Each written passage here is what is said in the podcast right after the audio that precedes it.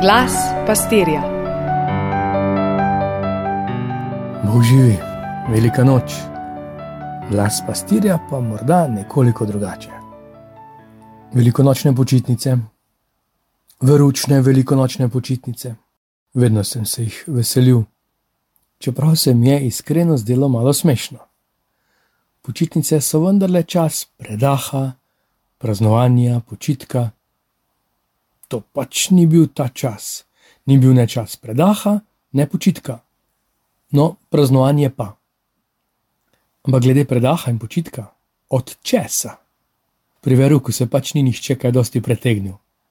Morda je počitek potreboval župnik. To vidim sedaj. Mi verovčenci pa.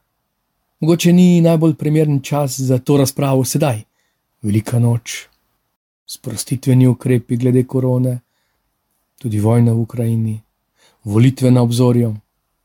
Ampak veruk v Jugoslaviji je bil kar zakon. K veruku smo hodili tako rekoč vsi, čeprav naj nihče ne bi. Maša je bila stalnica za večino. Zakramente smo prejeli vsi, skoraj vsi. Eni v domači fari, drugi pa v sosednjih ali malo manj sosednjih župnijah.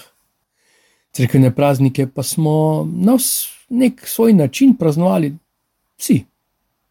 Veruk je bil na nivoju razredne ure z dodatkom molitve. Pravilni odgovor na vsa vprašanja je bil Jezus. To je zadostovalo za petico še za prejšnje in prihodnje leto.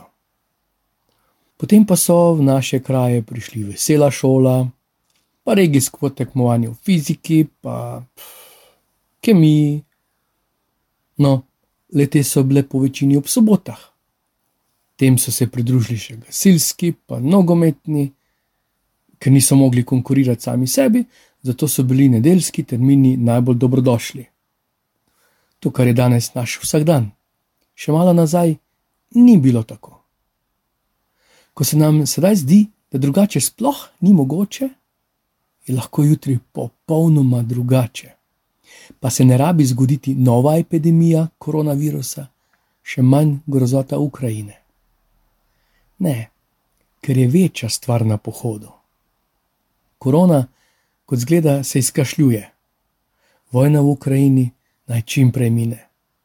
Ampak to, kar tako zvesto trka na vrata, je trdovratnejše. Je trdovratnejše kot smrt. Kar sem do sedaj povedal, je moj pogled na moje otroštvo. Lahko se strinjate ali ne, ampak ker tega nisem povedal prvič na glas, vem, da marsikdo s tem soglaša. Morda bi lahko jih soglašalo še več, če bi povedal na bolj mili, prijaznejši način. Glavnem pa vsi vemo, da je resnica. Tako nekako je Peter stopil pred množico in spregovoril: Dobro veste, kaj se je zgodilo med nami te dni. Veste za Janeza Krstnika, sledili ste mu, potem dobro veste za Jezusa, na katerega je Janez pokazal.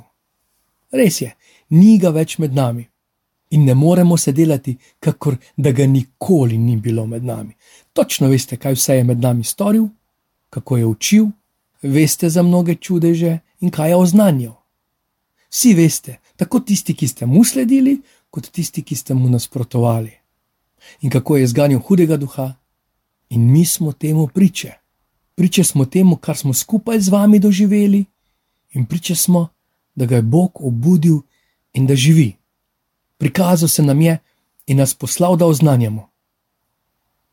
Pa sedaj iz te močne, kerigmatične, pridigarske govorice v današnji čas.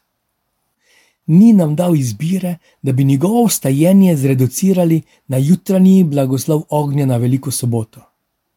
Tako radi bi bili strokovnjaki za izbiro prave katoliške lesne gobe.